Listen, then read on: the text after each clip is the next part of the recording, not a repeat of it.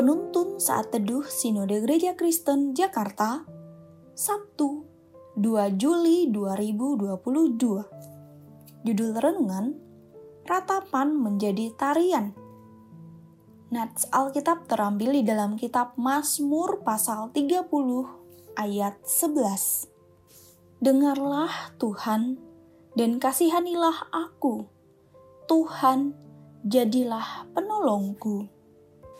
Turn my mourning into dancing atau mengubah ratapanku menjadi tarian adalah buku yang dituliskan oleh Henry Nouwen yang berisikan pesan tentang bagaimana kita tetap dapat memiliki kehidupan secara penuh di tengah dan dalam masa-masa sulit. Dalam buku ini mengisahkan bagaimana mereka yang adalah disabled people, orang yang tidak dipandang dunia, dunia yang hanya menghargai orang-orang yang pintar dan sehat. Namun, mereka adalah orang-orang yang dapat melewati hari-harinya dengan tidak mengeluh, meratap, atau meminta belas kasihan. Mereka adalah orang-orang yang menari dalam tarian kemenangan. Mazmur ini ditulis oleh Daud pada masa tuanya dalam Mazmur ini memang ada indikasi bahwa Daud pernah mengalami penderitaan yang berat, baik secara pribadi maupun bersama seluruh rakyatnya. Ayat 2 sampai 6. Daud pernah menderita, menangis, meratap, dan berkabung, namun Tuhan mengubahkan semua menjadi sukacitanya.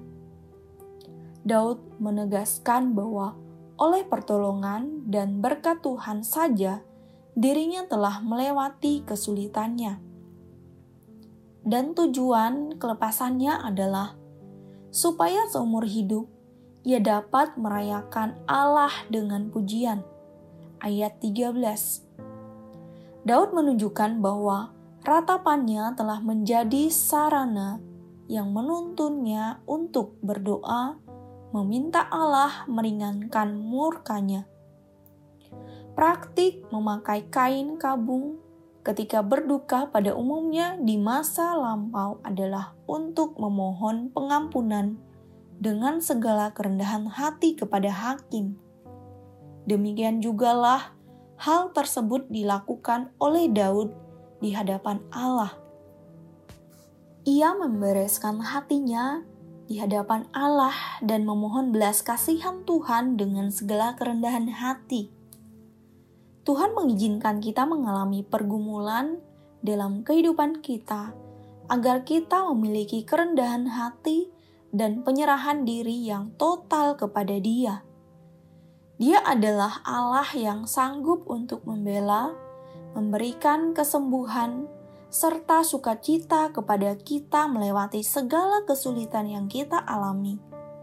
Karena itu, apa pun persoalan yang kita alami, mari kita datang kepada Dia, serahkan segala persoalan kita di hadapan Tuhan dengan segala kerendahan hati.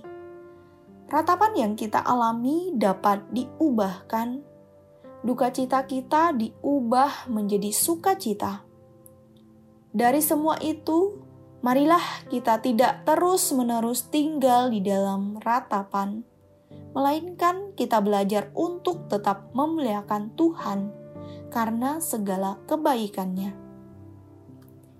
Di tengah pergumulanku, ku bisa menari karena Tuhan yang menjadi sumber kekuatanku. Amin. Terima kasih, Tuhan Yesus memberkati.